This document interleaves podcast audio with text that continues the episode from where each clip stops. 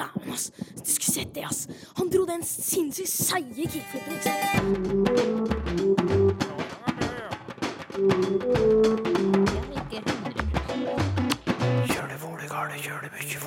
Hva slags skvett er det snakk om i uttrykket 'å kjede seg skvett i hjel'? Skvett er en forsterker her. Men vi har jo foreløpig ikke kjeda oss skvett i hjel, noen av oss. Apropos forsterkere, går det virkelig an å si både veldig lite og veldig stort? Nå så vil jeg jo si at det er helt eh, riktig, egentlig. Ja. Eh, men det som er litt gøy med det, er jo det at eh, veldig vil på en måte være forsterkernes mor eh, i Norge, egentlig. Og hvor kommer uttrykket 'ei høne å plukke fra'? Vi har det på dansk, og vi har det på tysk, nederlandsk og engelsk. Og på engelsk så snakker man om eh, ikke spesifikt en høne, men eh, en kråke, som man sier 'have a crow to pull'. Vel møtt til Språkteigen. I noen uker framover byr Språkteigen på en egen sommermiks.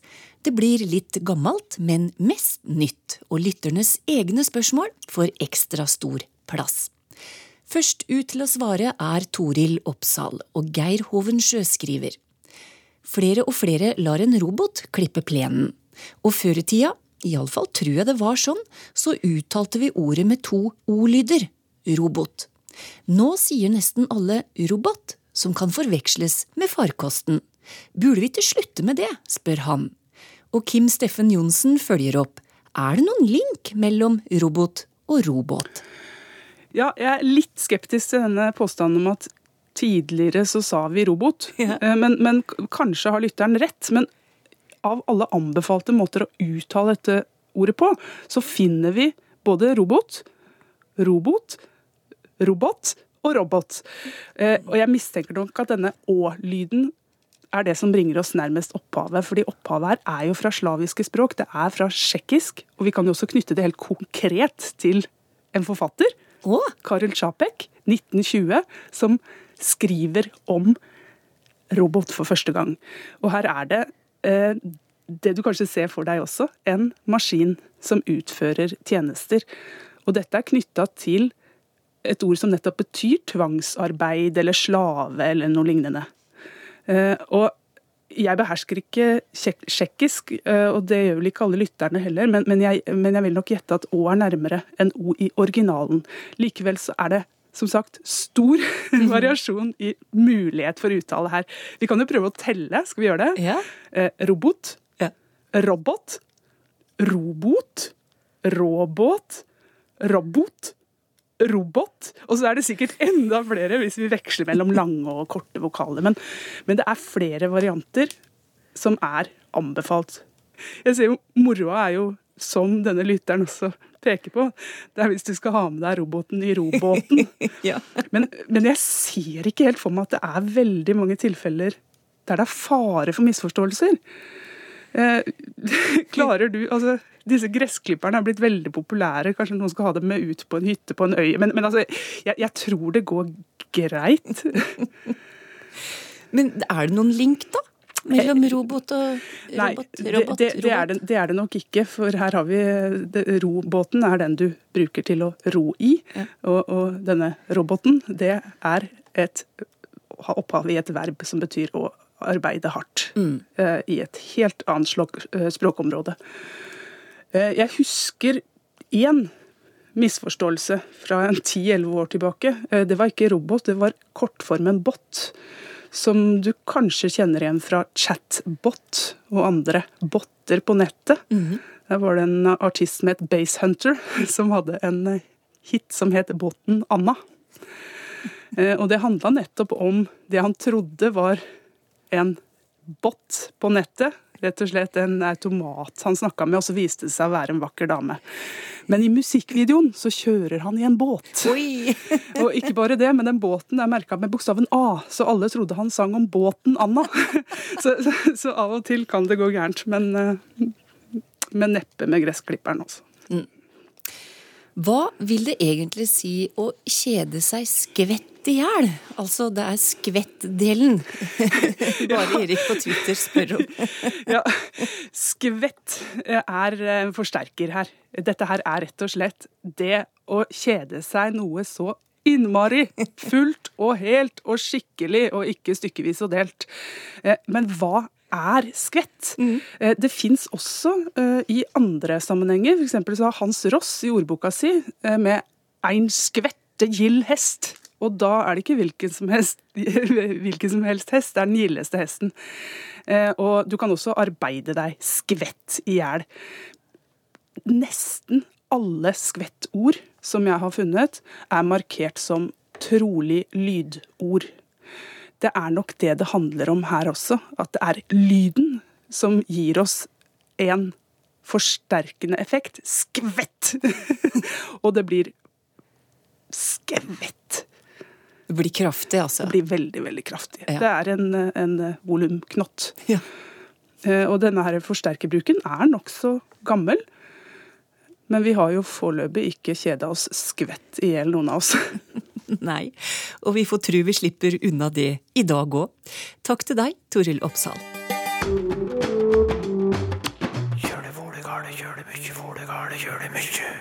Neste lytterspørsmål kommer fra Otto Prytz og går til Tor Erik Gjenstad. Og det er slik. Hva er opprinnelsen til ordet rød som brukes i mange dialekter? Det er et intetkjønnsord som betyr fiskeskinn, og som i bestemt form uttales røde.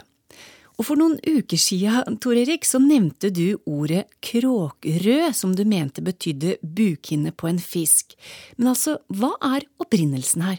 Ja, et rød, ja. Og røde, eh, det har ikke noe med farger å gjøre. Nei. Og det er vel ikke så rart at innsenderen her ikke har funnet det i det her store hannordbøkene.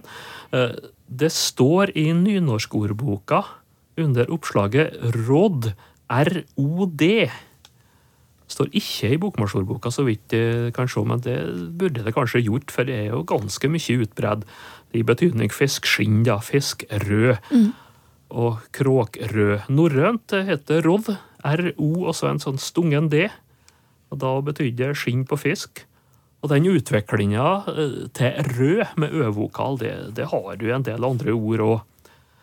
Kråkerøde, eh, som vi var inne på her, ja, det er altså ei mørk hinne i, på somme fiskeslag inni bukja.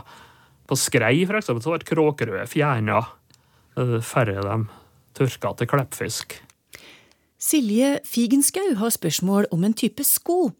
I Finnmark, hvor hun bor, bruker de kartanker når det er kaldt, og de kjøpes vanligvis i Russland. Kartanker er en stivere utgave av dosso, en tova ullfiltsokk som brukes i skaller. Da skulle en kanskje tro at kartank er det russiske ordet for dosso, men der heter det valenker. Så hvor kommer disse to ordene fra, kartanker og dosso? Ja, eh, her er det ting som jeg ikke er noe ekspert på i det hele tatt, så jeg har søkt hjelp og fått god hjelp hos eh, et par personer i Språkrådet. Ja. Jeg må nevne dem, altså Det er Stulla Berg Olsen. Altså han har konsultert Verena Schall, som jobber som rådgiver med minoritetsspråk i Språkrådet. Og jeg har fått uh, greit svar på Dosso, uh, som jeg spør dem om. Uh, katanka, eller kartanka, der er det et russisk ord, visstnok katanki som betyr filtstøvle, så det er nok kommet fra russisk, ja. Det kan være kanskje være russisk dialekt, men iallfall så, så er det nok eh, russisk, og det er nå da eh, den kontakten med russerne i, i, Finnmark som gjør at det ordet her har kommet inn.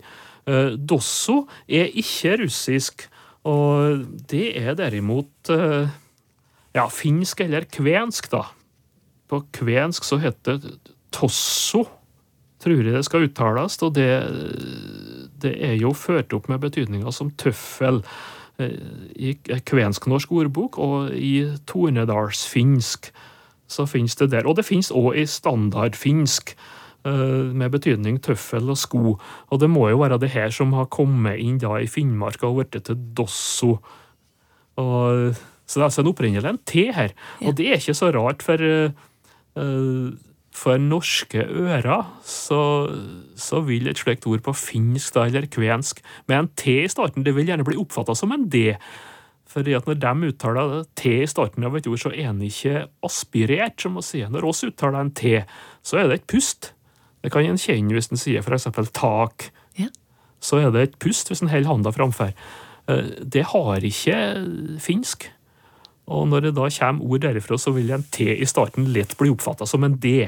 Så dermed får det bli tosso til dosso, da. Ja, Så da har vi både kartanken og dossoen på plass. Skulle tro det, Ja. når det gjelder eh, opphav, iallfall. Ja. Og det er typisk at det kommer inn slike ord i, i norsk dialekt lengst oppe i nord. Det finnes mange slike, men det har kanskje vært litt for lite påakta i norsk dialektgransking. Å selge Finnmark har jo vært tilsidesett. Det har liksom vært en forestilling om at det er i Finnmark, der snakker de bokmål. Oh. Men det gjør de jo ikke, da. Det, er- det er mye interessant å selge det her med, med språk i kontakt, da, at det kan skje mange snedige ting. Med hjelp så klarte iallfall du, Tor Erik Gjestad, å gi svar på dialektspørsmålet fra Finnmark.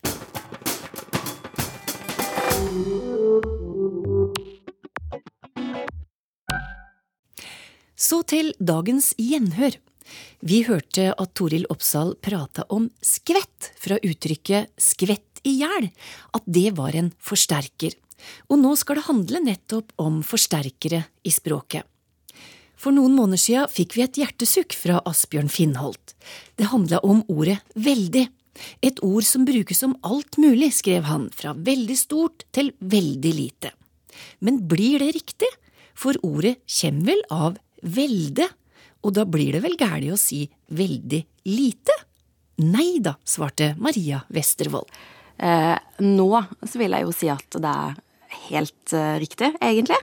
Du har skrevet en masteroppgave med tittelen Dødsinteressant eller Sykt unyttig, der du har sett nærmere på ord som blir forsterkere. Og hva vil det si å være en forsterker? Eh, det vil si at eh, det graderer eh, noe til en viss grad. Så om man da har veldig fin, så graderer man da fin. Ehm, det at det har Altså at det er beslekta med velde, det stemmer jo.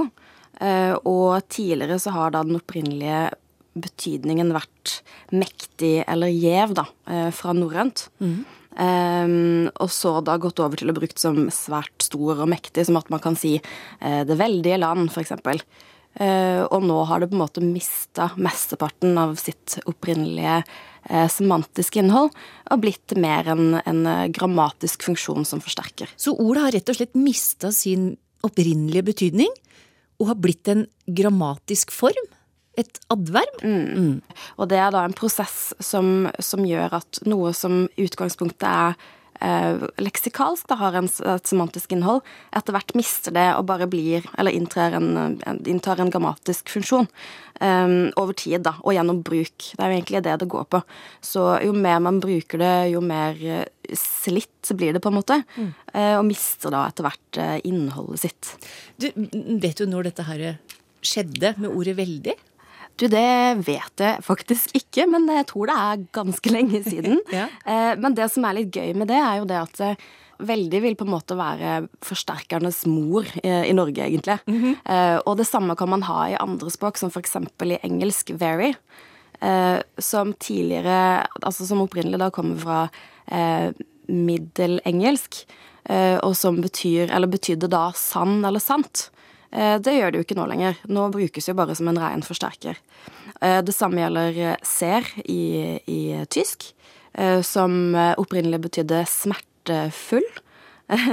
og det betyr også bare veldig nå, hvis man skal oversette det. Og det samme med tre i, i fransk, som opprinnelig er fra latin og betydde igjennom. Som også bare betyr veldig nå. Så det er interessant at dette har skjedd da i flere språk enn bare norsk. Veldig er da forsterkernes mor. Ja, Vil det si at det er mange av dem? Eh, Det vil si at altså, det er vel kanskje den som hovedsakelig er, den som har blitt såpass eh, semantisk bleika, da. Eh, til å miste så å si alt opprinnelig semantisk innhold. Så ja, den er kanskje den som har gått først i rekka, på en måte. Hvilke andre er det vi har, da? For eksempel? Ja, nei, du, det er jo utallige mange. Jeg har personlig skrevet om 74 ulike forsterkere. Eh, og dette er da bare norsk, og det er jo ikke alle engang. Eh, så det er jo ganske påfallende at vi faktisk trenger så mange forskjellige måter å egentlig uttrykke den samme tingen på. Eh, men vi har da forferdelig, skrekkelig, sinnssykt, døds og drit, eksempel. Eh, så, så det er mye rart, da. Det er det. Ja. Og da, for å komme tilbake til det Asbjørn eh, spurte om i, eh, til slutt her, da, så sier han jo går det da an å gi noen retningslinjer for bruk av veldig Men da sier du egentlig at en kan si både veldig lite, veldig stort, veldig alt, egentlig? Alt går an, vet du. Det er det. ja. Asbjørn kan jo også tenke litt mer på dette da med sinnssykt og drit, da, som jeg jo syns er mye verre, hvis man kan kalle det det, eh, i bruk som forsterkere, med at det har jo ingenting med verken gal eller det andre å gjøre, på en måte. Eh, så, så det Ja. Eh, verre skal det bli, tror jeg. Ja, for dette er de nyeste forsterkerne våre. Ja. Dritpen, dritstygg, sykt god. Vet du når det dukka opp? Ja, det, altså det med drit er jeg ikke helt sikker på, men, men med sykt, da, eller sinnssykt, eh, det har jo vist seg at um, rundt eh, 2001, for eksempel, dette vet jeg pga. At, eh, at jeg har sjekka i et, et korpus, eh, da fantes det ikke som forsterkende bruk i det hele tatt, faktisk. Eh, og det er jo bare 15 år siden, så, så det er ganske nytt. Og et korpus, da Altså det er en, en, en, en database, da, eh, med en samling av, eh, av ord. Og den databasen du gikk gjennom da, var Det var fra Big Brother i 2001, Ja, som de har lagd en tenkte det database var litt vesentlig her. Ja, det er sant. Det har du helt rett i. Ja. Nei da, og Big Brother var jo da Det er jo en gjeng med, med unge mennesker. Helt klart på en måte Det er jo ungdommen som ofte tar inn nye ord og uttrykk. Eh, Og der var det da ingen som brukte sinnssykt eller sykt som forsterker. Vi har sykt, vi har drit. drit. Du sier at verre skal det bli. Ja. Hva tror du kan komme? Nei, du, vet du hva, jeg aner ikke, men jeg har funnet mye rart, eh, og kommer over mye rart på nett, for eksempel, eh, og tenker at det her funker jo ikke, men så, man vet jo aldri det, om ti år så funker det kanskje plutselig likevel, så, så det, alt funker, det er det, alt kan brukes som forsterker, mer eller mindre, virker det som. Vi får se hva det neste blir, Maria Westervold. Hun har skrevet masteroppgava Dødsinteressant eller sykt unyttig om forsterkende elementer i norsk. Det blir kveld, og så blir det morgentall, og så blir det enda en tall, og så kommer det klein. Vi skal til faste uttrykk og vår mann på dem, lingvist Georg Kjøll. Det er Knut Andreas Bremertun som spør. Høne å plukke, for eksempel som i uttrykket Jeg har ei høne å plukke med deg. Hva er opprinnelsen til det? Ja, det er et uttrykk som er av eh, ukjent opprinnelse. Vi, vi vet ikke nøyaktig når det oppsto, eller hva forhistorien er, som, som tilfellet er med ganske mange faste uttrykk. Men det vi vet, er at det finnes på flere europeiske språk. Vi har det på dansk, og vi har det på tysk. Nederlandsk og engelsk. Um, og på engelsk så snakker man om eh, ikke spesifikt en høne, men eh, en kråke. Som man sier 'have a crow to pull', eller 'have a crow to pick', eller til og med 'have a crow to pluck'. Og eh, plakk er da samme ordet som på norsk, og, og det er kanskje det som er, eh, ja, som er nøkkelen til å skjønne noe mer av hva, hva som har gjort at dette uttrykket har fått uh, fotfeste. Fordi det er uh, avledet av et gammelt uh, germansk ord som um, som opprinnelig, ja, eller som etter hvert fikk meningen å pusse fjær, eller å da også plukke fjær av en, av en fugl, som man gjorde når man skulle tilberede den til matlaging. Eh, ja, og vi, eh, det har gitt, eh, gitt opphav til andre, andre ord som har eh, kommet til å bety eh, hår og, og, og pels på andre, andre språk. Så man snakker om pelukar som et verb på eh, språket oksitansk, eh, og man har fått pelukeria på moderne spansk som betyr eh, frisør. Så her er det, det en lang, eh, lang forhistorie med et uttrykk som har eh, viklet seg litt fram og tilbake i ulike betydninger. Så det vi, eh, det vi kan eh, gjette av det, er en av eh, Eller vi kan gi to ulike forklaringer. Eh, Den ene er at det handler om eh, fugler som slåss med hverandre. At eh, man driver og eh, plukker fjærene av hverandre når man er i, i slåsskamp. Og det er et sånn visuelt, ganske sånn visuelt tilgjengelig bilde da, som eh, alle som har sett høner i en eh, litt trang hønsegård, eller sett det på film, eh, kan, kan se for seg. Og da, eh, da gir det jo assosiasjon til den moderne eh, betydningen, som er å ha noe eh, uoppgjort med andre, eller å være sint på dem. Ja. Og den andre, da? Den andre, eh, andre, si, andre teorien om hvor, eh, hvor dette kommer fra, eh, er eh, at eh, ja, det, hvis vi går tilbake og ser på det opprinnelige eller tidligere versjonen av uttrykk på engelsk, som er 'to pluck a crowd together', så kan man se for seg, altså det å plukke en fugl eh, sammen med noen, så kan man se for seg at det å eh, plukke en høne eller plukke en fugl med noen andre var et eh, form for eh, oppgjør. Altså en, en, symbolsk handling man gjorde for å gjøre opp for en handel, f.eks. Eller eh, hvis man skulle gi noen en, eh, et fjærkre, at man da også sammen plukket hønen før man ga den, før man ga den videre. Og sånn var gjorde opp for hva nå enn man skyldte hverandre. Mm. Så det er en annen, annen, mulighet, men det er ikke så lett å, å si om dette her, her, eh, om det er det ene eller andre. Det er et gammelt uttrykk og ganske lite tilgjengelig for eh, Eller lite overførbart til eh, dagens forhold. Altså nå fungerer det mest som en metafor. Mm. Så Knut Andreas Bremertun han får bare velge hvilken teori han går for? Ja, det er, det er, det er lov å synes at den ene forklaringen er bedre, bedre, enn den andre. Men dette er også et sånn litt fint, fint eksempel på, på, det at sånne faste uttrykk gir, gir, oss et vindu inn til en annen tid. Her er vinduet litt grann uklart, og det er ikke helt, eh, er ikke helt sikkert hva vi, hva vi, ser. Men hvis vi begynner å undersøke opphavet til uttrykket og hvor det har blitt brukt, og sånn, så ser vi at det bl.a. fantes en barnelek som het 'Pluck at the Crow' på 1500-tallet. Okay. Hvor barn drev og nappet fjoner av hverandres klær, og den som sto igjen med flest fjon tilbake, det var den som vant.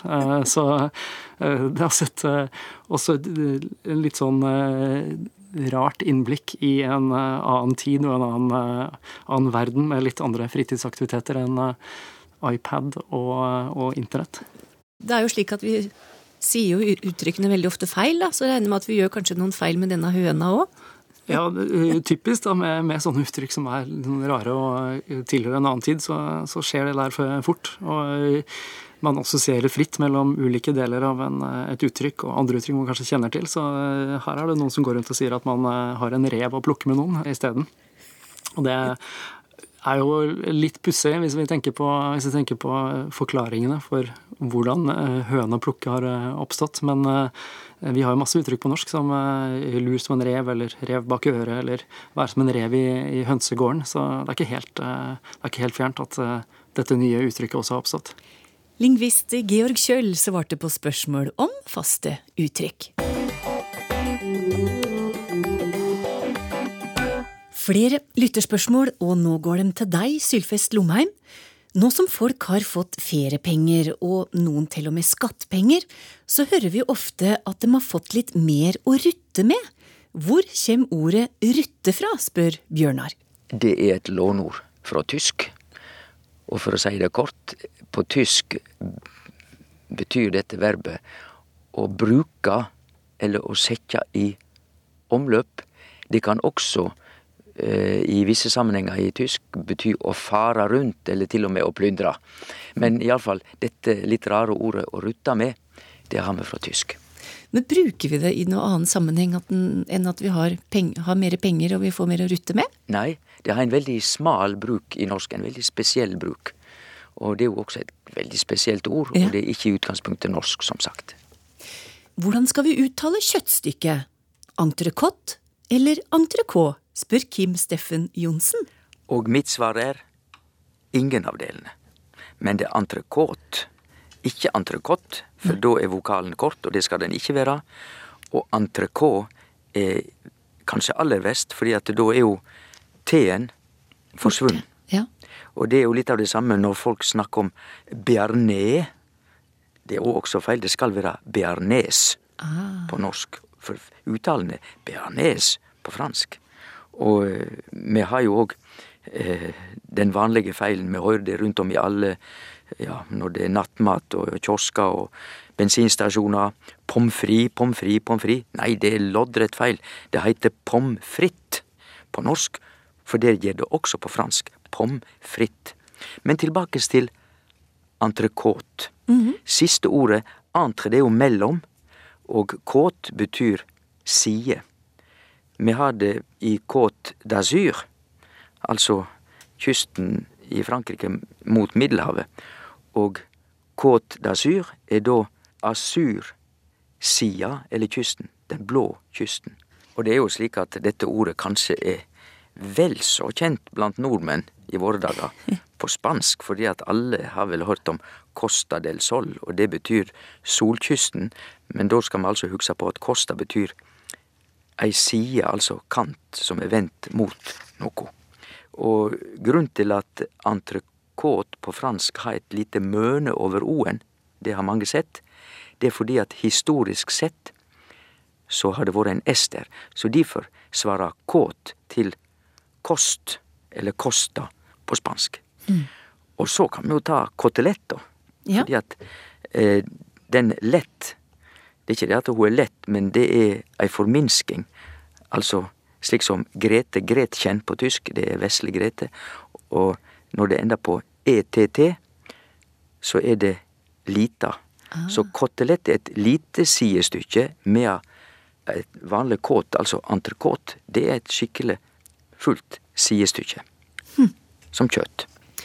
Heter det duppeditt eller dippedutt, spør Simen, som har stor sans for små dingser. Eh, ja, det er ikke tvil om hva som er rett historisk sett. Det er duppeditt. Okay. Så dippedutt er altså feil. Men hva skal en gjøre når en ikke forstår ordet i det hele tatt? Da blir det lett å skifte i og u att og fram, duppeditt og dippedutt.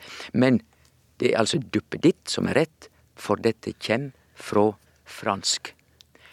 Og et fransk uttrykk som heter tout petit. Oh, ja. Og det du er nesten som duppeditt. Ja. Og tout betyr heilt eller fullstendig, og petit betyr lite. Så tout petit betyr noe lite. En liten dings. Og vi er mange er glad i duppeditter. Ja. Og er du glad i ord, så er det bare å sende inn spørsmål til Språkteigen.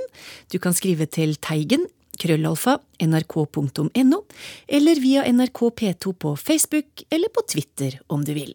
I dag var det dette vi rakk. Ha det bra. Språkteigen neste gang blir det temperatur. Vi snakker om at det går kaldt nedover ryggen på en. Man kan ha et kaldt hjerte, eller vise en kald skulder, eller ha en kald latter, eller gjøre noe med en kald beregning. Eh, og da kanskje være kaldblodig. Eller så kan man helle kaldt vann i, i blodet på noen, eh, eller holde hodet kaldt. Eh, ja, det blir vel egentlig mest snakk om kulde. Og utgangspunktet for det er spørsmålet hvor kommer disse kalde føttene fra? Her er det to teorier da, som innimellom dukker opp som forklaring. Mer om det i Språkteigen om ei uke.